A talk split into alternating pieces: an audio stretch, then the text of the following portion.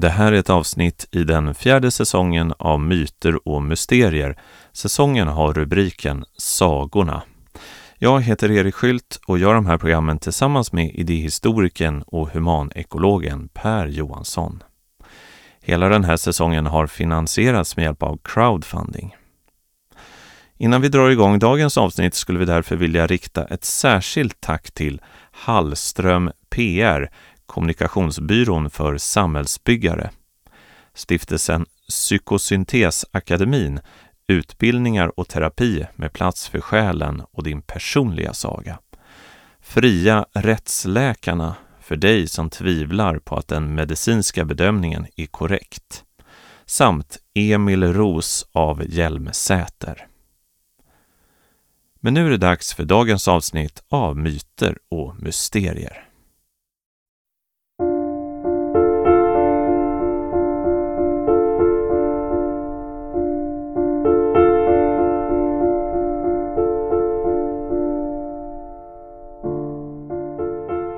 Vi börjar komma mot slutet av den här säsongen och det verkar som att sagans tidsålder är på väg att gå över i något nytt.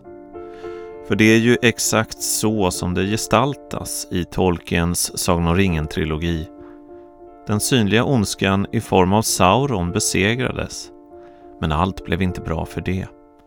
För i samma ögonblick som ringen förstördes så började magin försvinna i världen. Allt blev mer vanligt, avförtrollat, nyktert. Frågan är om inte det här berättar något oerhört viktigt om vår värld idag. Dagens avsnitt har rubriken Sorg.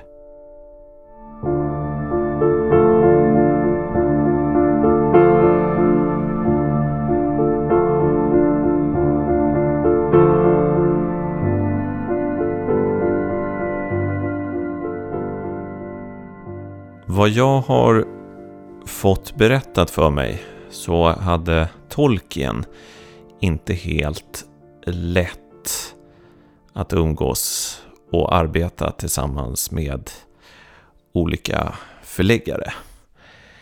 Han tyckte väl om sina förläggare och redaktörer men han var lite känslig för kritik och ville eh, inte gärna ändra så mycket i böckerna han gav ut. Men eh, det finns eh, en stor ändring som, eh, vad jag har hört, ändå skedde. Ett förslag från förläggaren som Tolkien själv då godkände. Och jag tror att vi ska vara ganska glada för att det blev så här. Det är nämligen så att eh, boken idag, den sista av de tre, slutar med ett kapitel som heter De grå hamnarna. Och jag tänkte att ja, planen är att vi utifrån tematiken i det kapitlet ska få till en avslutning på hela den här säsongen. Men eh, från början var inte det det sista kapitlet. För tolken kunde inte riktigt skiljas från sin värld. Han, eh, han, han tyckte nog det var ganska jobbigt. Så att från början fanns det ett kapitel till. Och jag träffade en vän som är en stor Tolkien-fantast som sa att han hade lyckats läsa några små stycken ur det här kapitlet. Och han sa då att det är förfärligt. Det är så jolmigt och tillrättalagt och gulligt. Och det är så... Eh, ja, det handlar ju då om eh, hoberna i Fylke hur de bara sitter där och har det mysigt och trevligt och eh, Sam får massa barn och de där barnen kommer på massa upptåg och bus och ja, och sen så mynnar det ut i en idyll.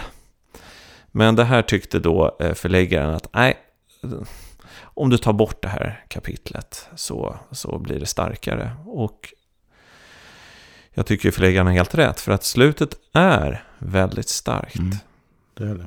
Det är inte, om man tar en vanlig saga så brukar det vara så här. Sen så levde de lyckliga alla sina dagar.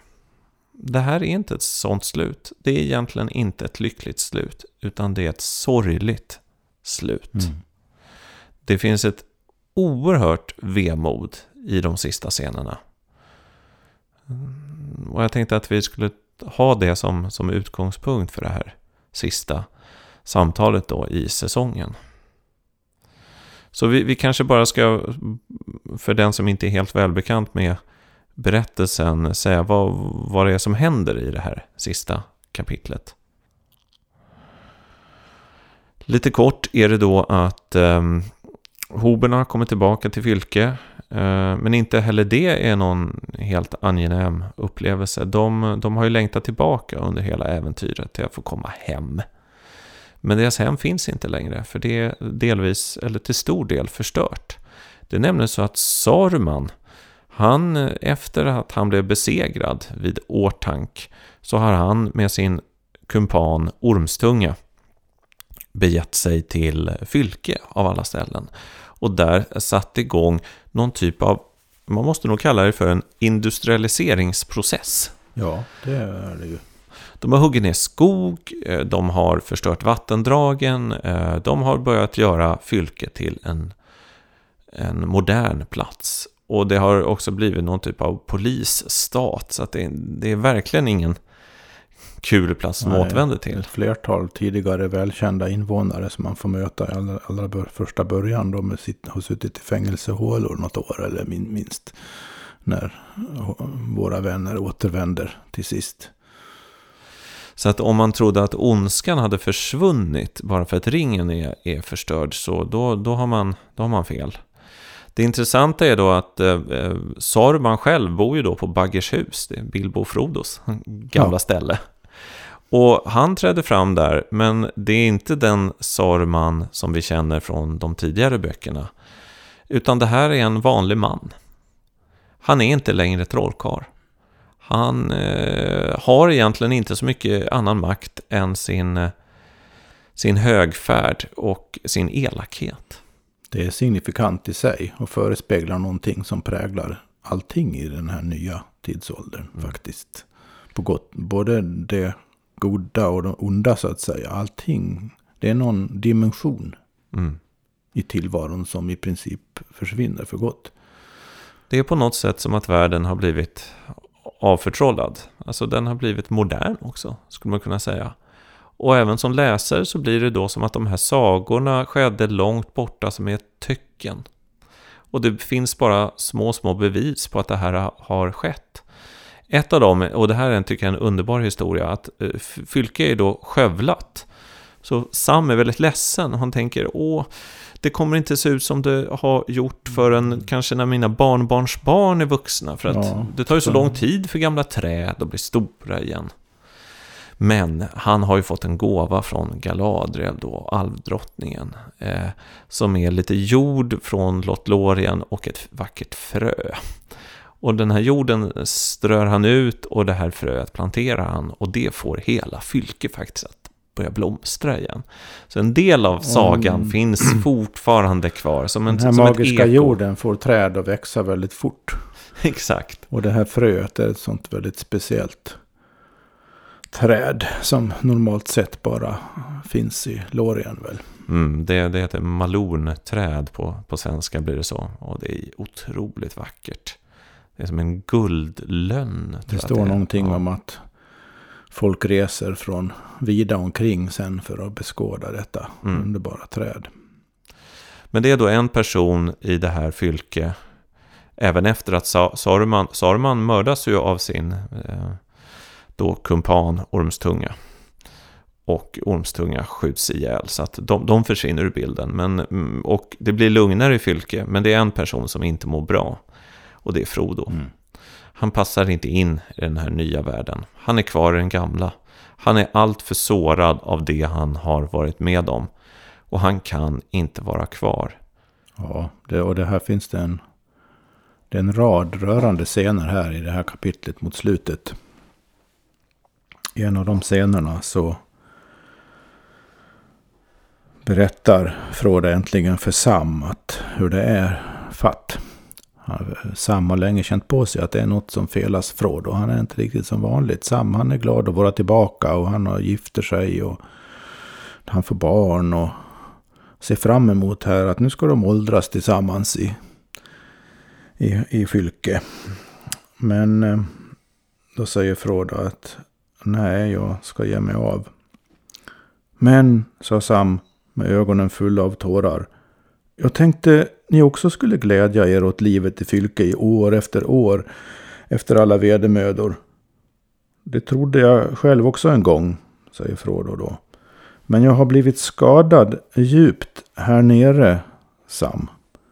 Jag försökte rädda Fylke, som jag själv blivit räddad. Men inte för min egen skull. Det måste ofta gå så, Sam, när saker och ting är i fara. Någon måste offra dem, ge upp dem, förlora dem, så att andra kan få behålla dem. Mm. Ja, här är återigen det här Frodos martyrskap då, att han, han förlorar egentligen allt. Han förlorar sitt hem. Och han och, kan inte vara kvar. Och framförallt förlorar han i och med allt han har varit med om. Alla svagheter och fall han har. Eller allas svagheter i sig själv han har fallit offer för skulle man kunna säga. Och allt han har sett blivit förstört. Det är någonting som får honom att gå över en gräns i sitt inre här. Där även om Fylke restaureras. Även om Sam kan leva sitt liv lycklig där. Så har Frodos blick, inställning till hela tillvaron oavsett var han befinner sig i Midgård förändrats så mycket så han, han kan inte han kan inte vara, kvar där helt enkelt. Nej. Han hör till en annan tid. Han hör till sagornas tid. Ja. Och eh, nu får jag återigen skämmas över att jag sa att Tolkien var en, en, en, författare med många brister. Men just de här sista kapitlen så, så är han oerhört skicklig på att eh, faktiskt skriva fram världen som att den vore vår värld, en modern värld. Ja, ja. Det känns som ja. att nu, har det här, nu är inte det här längre en sagobok, utan det är som en, en roman från slutet av 1800-talet och början av 1900-talet. Och allt är vanligt. Och just den här eh, Frodos avfärd, för det är det det leder till. Att Frodo då måste be sig ut ur Fylke. Och då träffar de på återigen ett alvfölje i skogarna. Men det är väldigt vackert beskrivet att när de vandrar iväg så står det att någonting i stil med att ingen såg dem. Och skulle en nattvandrare varit ute den kvällen skulle man bara sett som ett litet skimmer i buskarna. Mm. Så på något sätt så är de liksom på, de är redan i en annan värld. Liksom det, det är som att Frodo, han är i ja. Han, han har förlorat fotfästet med den här världen och är på väg till nästa. Ja, vad Tolkien faktiskt lyckas gestalta i det här kapitlet, som är ganska kort också. Det är, det är hur sagigheten försvinner ur världen. Det är som om man ända fram tills nu egentligen så har man läst en, en saga. Det känns ju ändå så, även om den är väldigt prosaiskt berättad på ett sätt och även om det inte finns så många sådana där påtagligt magiska ingredienser så är det ändå, man har en väldigt stark känsla av att även emot slutet av tredje tidsåldern så är det ändå en, en väldigt annorlunda värld. Det finns trots allt magiska platser som Lothlorien och det är en strid, en öppen strid med ondskan och det, det är ett annat, en annan värld. Men sen under det här kapitlets gång så det, riktigt känner man hur hur den här magiska skimret bara dras undan. Mm. Drar iväg med alverna och några andra som helt enkelt lämnar Midgård och mm. seglar över havet till ett annat ställe som inte är riktigt av denna världen. Mm.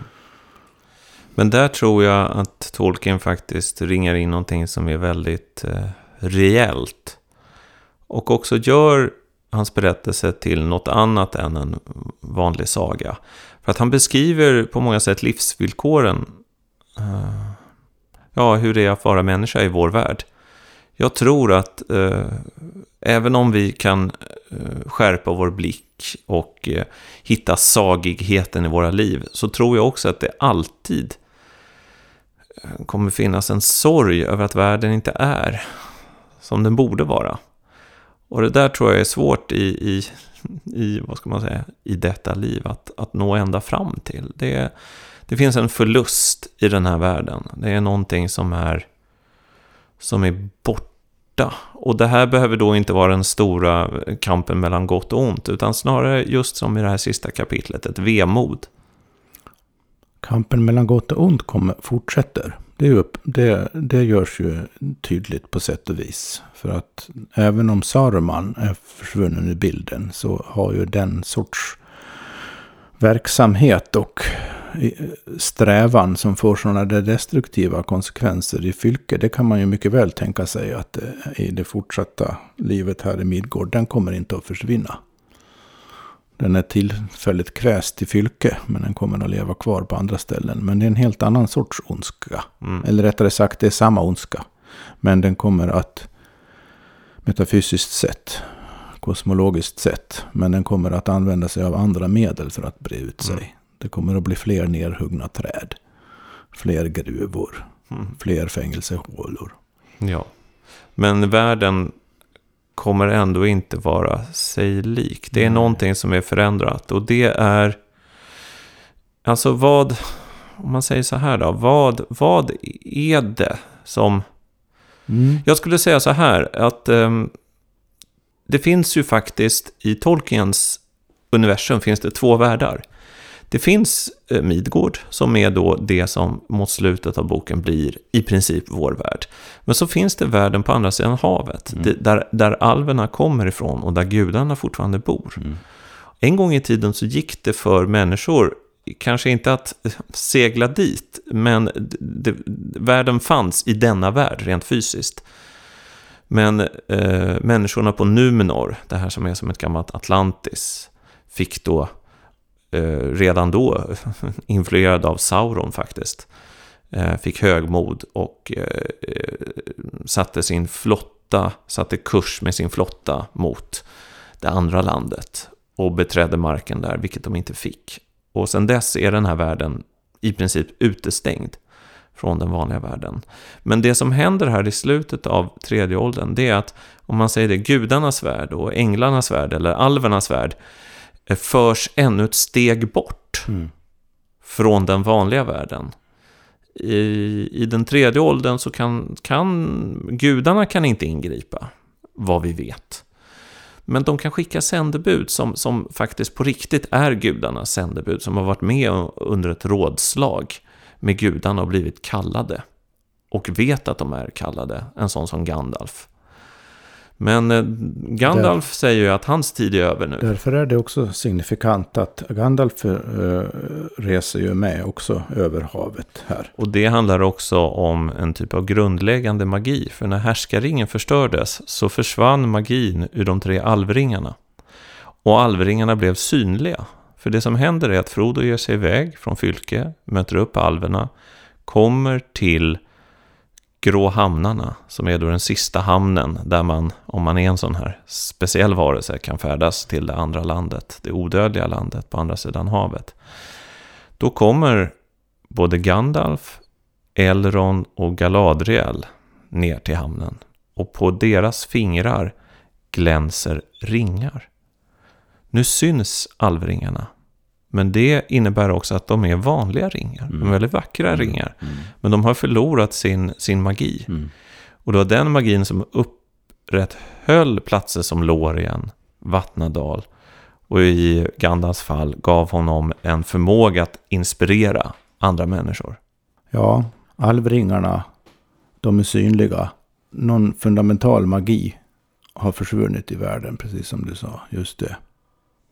Då kommer jag att tänka på att något tidigare här i händelse, händelsernas gång, innan, när de fortfarande inte har kommit tillbaka till det förstörda fylke, så på vägen, är det från Bri, så, eller ja just det, det är det ju, då passerar de gamla skogen, där Tom Bombadil håller till. Och så står det så här. De höll in hästarna och Frodo såg längtansfullt söderut. Jag skulle bra gärna vilja se den gamla gossen en gång till, sa han. Undrar hur han har det. Och han menar Tom Bombadillo. Bra som alltid, sa Gandalf. Det kan ni vara säkra på. Utan alla bekymmer som vanligt. Och jag skulle förmoda att han inte är särskilt intresserad av något bland allt det som vi har sett och uträttat. Möjligen med undantag för vårt besök hos enterna. Tom Bombadil, han är helt oberörd av allt som har hänt.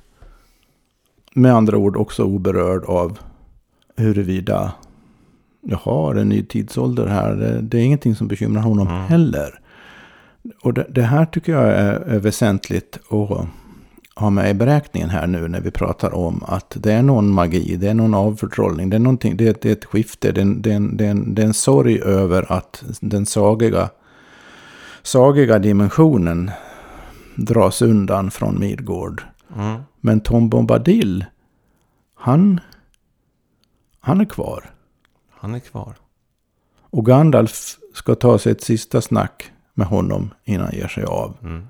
Det får man inte veta vad de pratar om. Nej. Men det kan man ju spekulera i. För Gandalf är ju inte, han är ju inte bara en, han är inte en människa, en trollkarl. Gandalf är ju faktiskt en, en, en sorts gud mm. i mänsklig gestalt. Så det är alltså, och Tom Bombadil har vi i tidigare pro program konstaterat. Han är, han är också, har också någon sorts naturens gud. Eller någon, alltså han är en gudomlig varelse faktiskt, han också.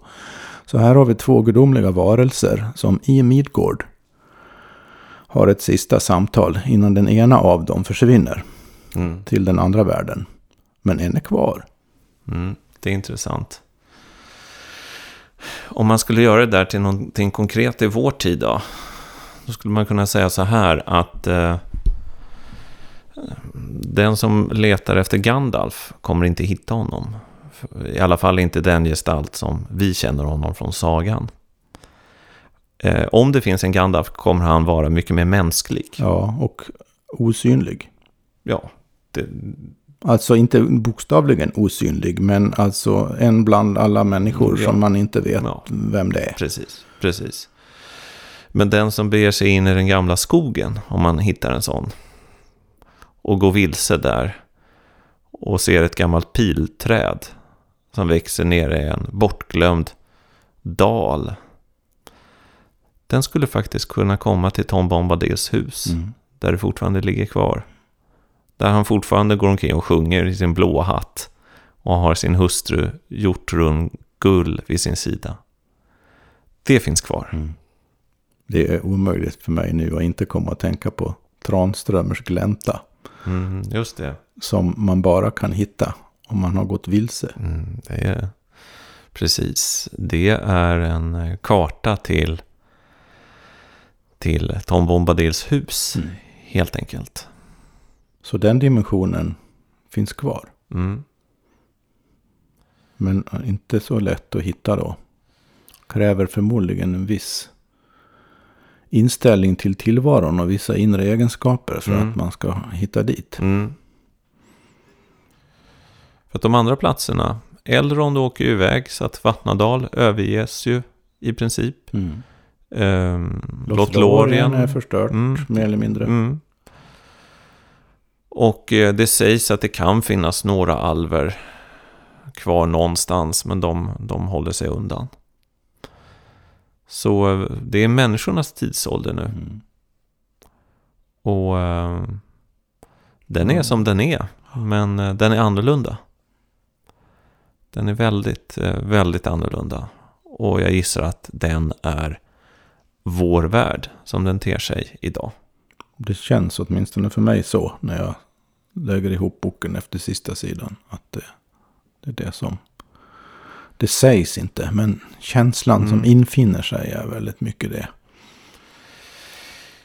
Jag tänker om man då saknar, om man känner, om man kan leva sig in i det här vemodet som präglar det sista kapitlet. Så um, om man går till författaren Tolkien så, så det, det är alltid lätt att man hamnar i någon typ av konservatism. Tolkien själv var ju en djupt konservativ människa. Han gillade inte förändringar och han hatade moderniteten. Eh, det, det finns en tjock bok som heter Tolkiens brev som är jätterolig att läsa. För då... till sin karaktär så är han, han är ju inte som Sam och han är inte som Bilbo. Han är snarare som ett, ett av de här knarriga gamla träden i Fangorn eller gamla skogen. Han är ganska sur faktiskt, särskilt mot slutet av sitt liv. Och han, framgången med böckerna, det, det, det, det tycker han liksom, dels så tycker han att han borde ha blivit mer erkänd rent litterärt, samtidigt som han inte tycker om att ha blivit en kändis. Eh, och han ondgör sig över saker att nu kan han gå omkring i, sina gamla, i den gamla engelska landsbygden och, och, och förfäras över att um, fälten plöjs med traktorer och inte hästar.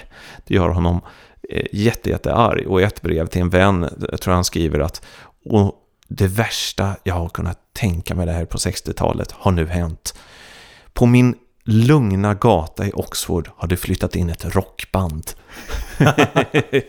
det kan man verkligen tänka sig att det är det värsta som det, är det värsta tolken kan tänka sig. Och så han, han, han dog väl, det är väl någon gång i början av 70-talet va, tror jag. Ja, 70-talet i alla fall, vad jag minns. Ja, och, och det, det är tur att han Ja, det är tur att han, att han inte blev äldre kan man väl säga. Alltså med tanke på hur världen har utvecklats. Det var skönt för honom vad han slapp. Ja, mm. verkligen. Han tyckte inte om den här nya världen som den hade blivit. Men det är ju intressant det där med konservativ. Att för att här pratar, man kan ju tycka vad man vill om hans, om hans personlighet som kommer till uttryck i de här breven då. När knarrigheten och sådär. Jag menar det är ju mera någon sorts personliga egenskaper. Eh, ganska ytliga, men hans, alltså i sina uttryck liksom. Jag menar inte att han är ytlig, det, det är just det som är min poäng. Att, att det finns ju en anledning till att du och jag och så många andra har inspirerats av den här världen. Och allt vad den innebär. Och det finns ju en anledning till att vi har kunnat mer eller mindre i olika program här nörda ner oss i vissa aspekter av det hela. För att det känns som om det, man kan använda det för att låsa upp tankegångar och känslor och associationer och intuitioner som faktiskt är värdefulla för, för livet i allmänhet. Eh, och det, det, det, detta har ju denna knarrige man producerat. Så det kommer ju från en, någon, någon djup källa i eller via honom det här. Och i förhållande till konservatismen då. I ett program talade vi väldigt mycket om skönhet. Som en verklighet. Och vi har pratat om själva sagorna som verkliga. Sagigheten. Snarare än sagolikheten.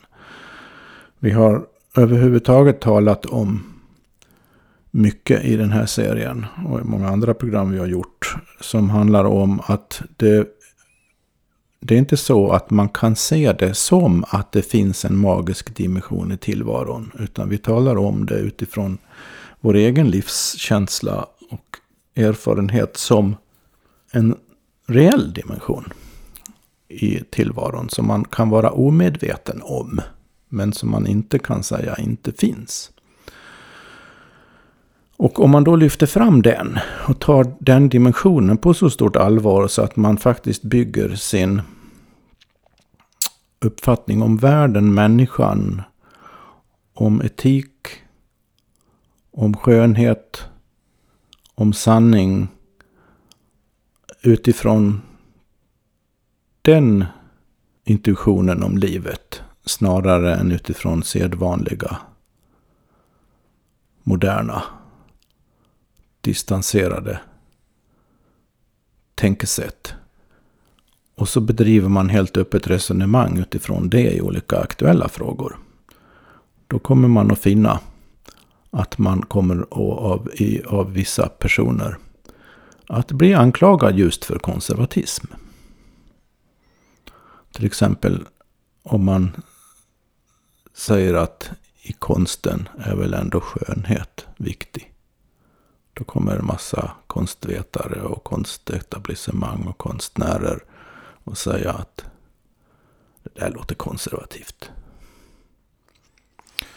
Men konservativt är ju blir ju saker bara om man har en, eh, en viss tidsuppfattning. Om man säger så. Ja. Att det finns eh, det förflutna och så finns det framtiden. Just.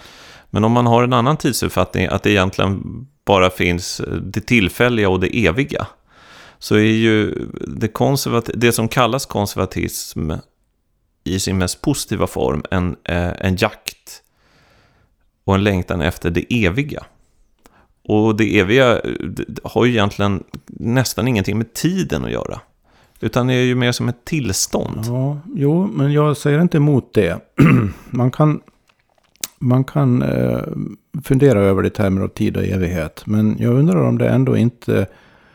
Ja, nej, jag säger inte emot det. Men ett, ett annat sätt att tänka skulle vara så här. Om jag först säger så här. Det finns, det, det finns ett intressant uttryck eh, som används ofta när någonting går fel. Nämligen, eh, särskilt i, i någonting som har med teknik att göra. Ett tåg spårar ur eller ett flygplan störtar Och så där. Så säger man, om man inte hittar något tekniskt fel då, så säger man om det var den mänskliga faktorn. Mm. Och själva det uttrycket, den mänskliga faktorn, har i, i dagligt tal en negativ klang. Vilket är ju egentligen väldigt egendomligt. Och, och, alltså, och vad föder det då? Det föder en strävan att få bort den mänskliga faktorn, för då kan det bli fel. Så det, det är människan det, människan det är fel på. Men den mänskliga faktorn är ju vi. Mm. Så att, det, det, att gå för långt i den riktningen, det är ju att onödiggöra oss själva då. Så att om man kan åstadkomma en rationalitet och en, en, en, en mekanism och ett system och ett samhälle där den mänskliga faktorn är, är bortrationaliserad och inte har någon in, inverkan på, på det eh, friktionsfria funktionaliteten i alltihopa. Då, då, eh, vilket faktiskt många strävar efter att åstadkomma. Då har man ju faktiskt eliminerat oss från, från världen. Ja. Men Det, jag börjar där för att det är samma sak slår det mig med, med eh, ordet konservativ. För att det intressanta är ju inte att sätta etiketten konservativ i någon sorts politisk mening eller någon sorts historieuppfattningsmening eller sånt där. Utan det intressanta innebörden i ordet konservativ är ju att sva, vad man borde fråga sig är vad är det som alltid oavvisligen absolut måste konserveras? Det vill säga bevaras, upprätthållas, främjas. mm, mm. Om man, menar, om man är konservativ i den bemärkelsen så betyder det att man fäster den allra största vikt vid det, det som är omistligt Ja. i livet. Och vad är det då det? Det skulle ju då vara sådana saker som till exempel skönhet. Va? Mm.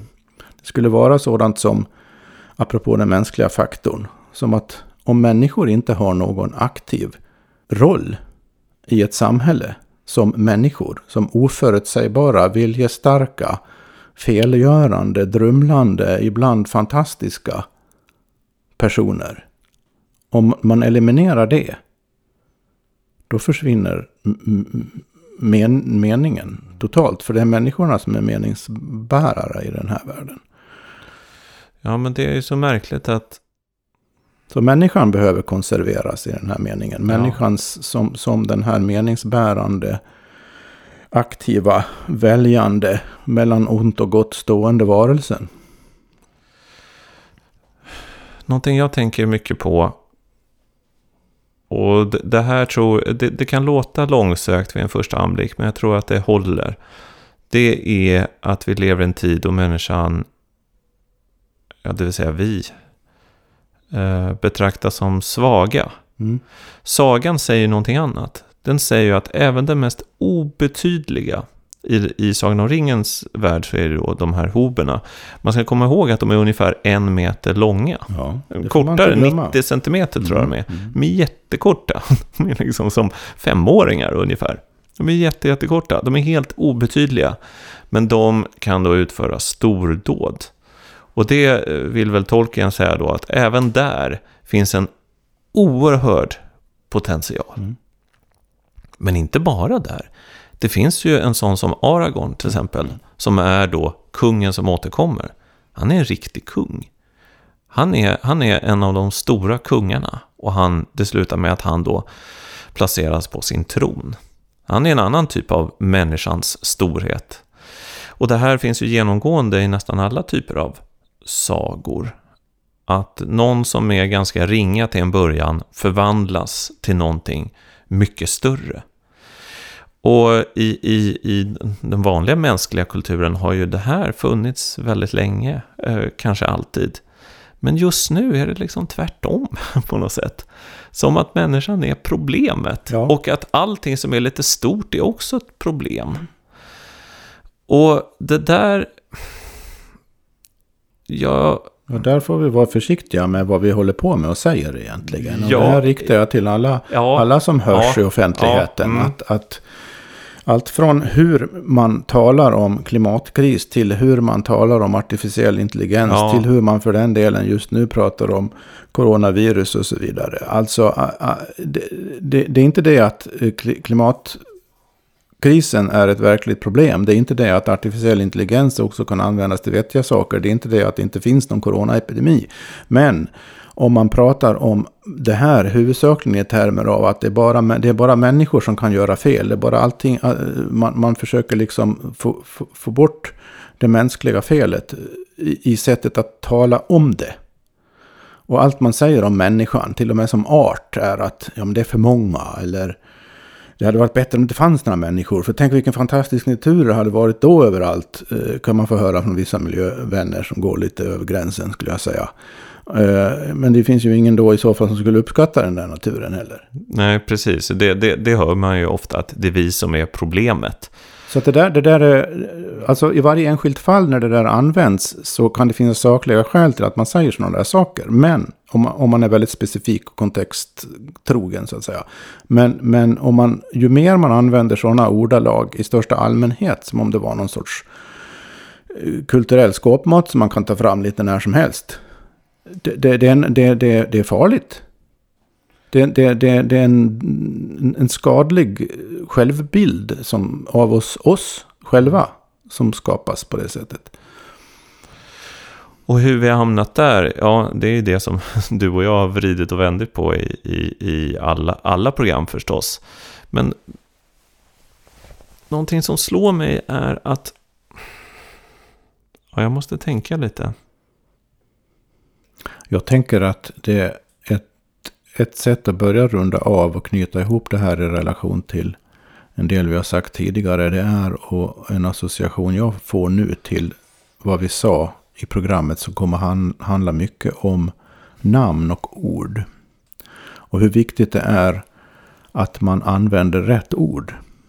För vad är det som händer då? Jo, man skärper sin egen och andras urskiljning om vad som är verkligheten man befinner sig i. Både i sitt inre och i sitt yttre.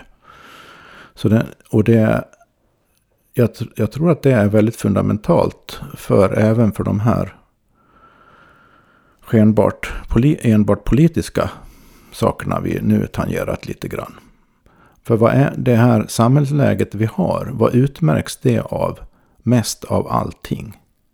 Är det inte en närmast epidemisk brist på urskiljningsförmåga? Där saker är otydliga. Ja. Just därför att nästan ingenting Ja. kallas vid sina rätta namn.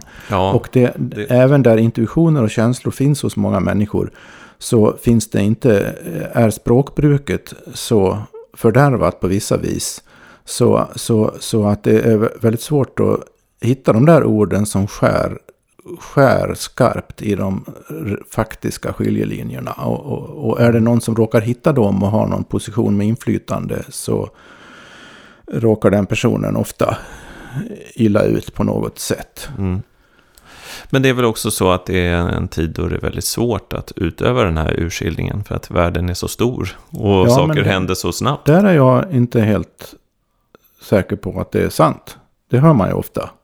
Och jag kan själv tänka så ibland också, eller drabbas av den känslan. Men frågan är om de, de viktigaste urskiljningarna man behöver kunna göra egentligen är svåra att göra. Alltså. Det svåra tror jag snarare är att realisera konsekvenserna av dem när man väl har gjort urskiljningen. Men tillbaka till grå, grå hamnarna ändå. Ja, men Tänker det här, vi skulle ja. sluta där. Vi har pratat nu om utifrån konstaterandet att efter tredje tidsålderns slut i Tolkien-världen i Midgård så in, kommer en ny tid. en tid som där sagigheten är mycket svårtillgängligare för människorna och andra varelser och människokaraktär.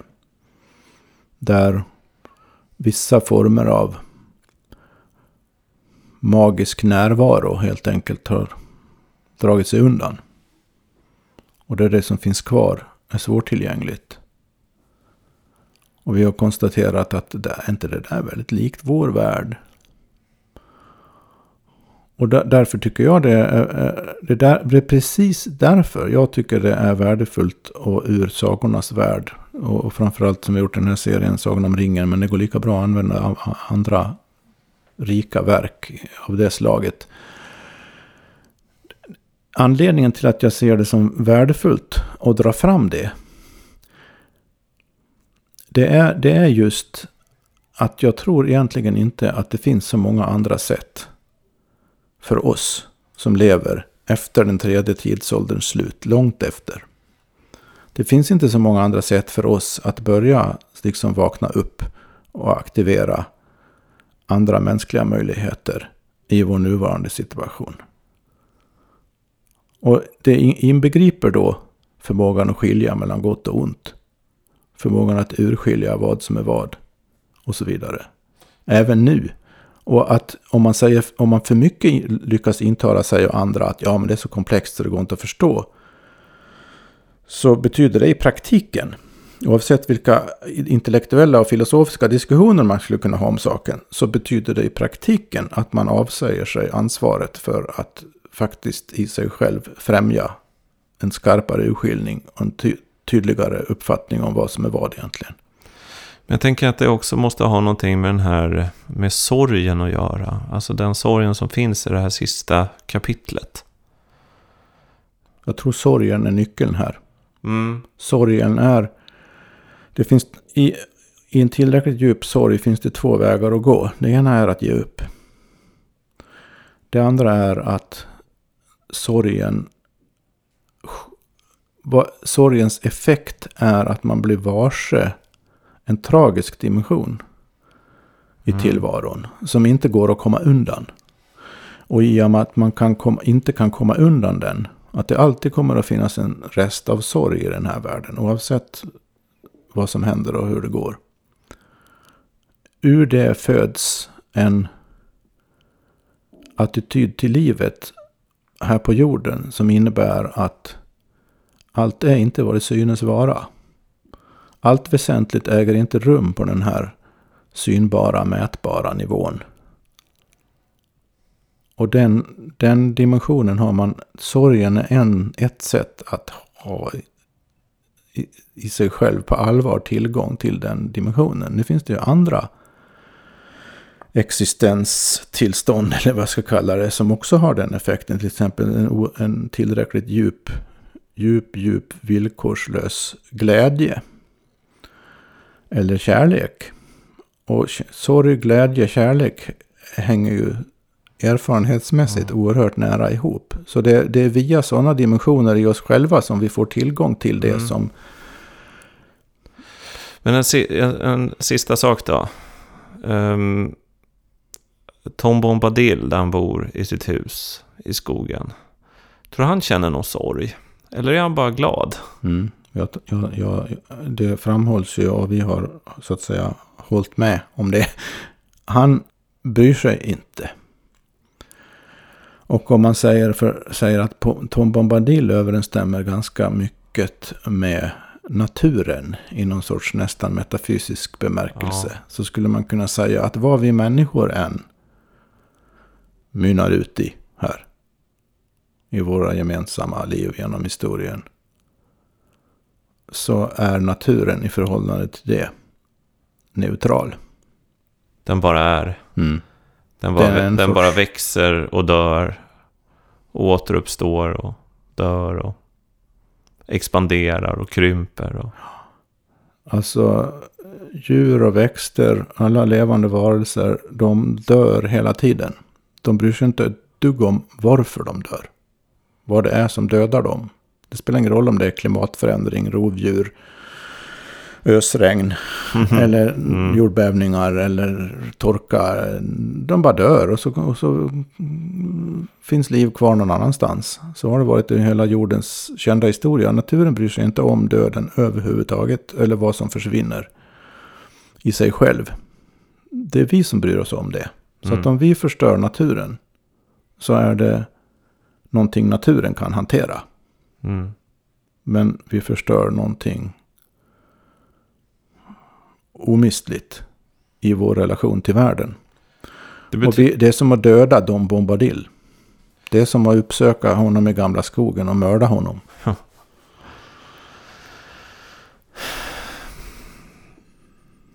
Men eh, naturen står då bortom eh, gott och ont. Ja. Ja, men det var väl det som hände den där gången för väldigt länge sedan när vi åt av kunskapens frukt. Det var då vi drogs in i det här. Det var ju lite jobbigt att det skulle bli så, men vi skildes från naturen i alla fall. Vi hamnade i något nytt. Ja, det skapades en, en, en, en fri zon, zon att genom våra egna handlingar låta allting gå åt helvete. Men det skapades också en fri zon att låta genom våra egna handlingar skapa någonting som aldrig har funnits förut.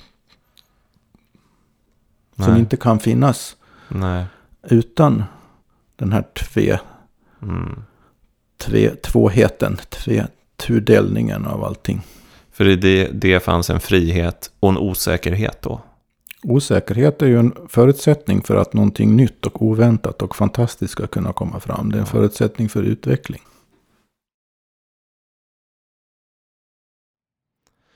Du har hört ett program om myter och mysterier. Avslutningsvis vill vi särskilt tacka Campfire Stories, en plattform för podd och film som vill inspirera till en värld i social och ekologisk balans. Marianne Holmberg som erbjuder Framtidskartan, en individuell guidning för dig som vill reflektera över din livsberättelse fram tills nu och rita kartan till din framtid. Fotografen Aron Mattsson samt vår webbmaster Ludvig Lindelöv.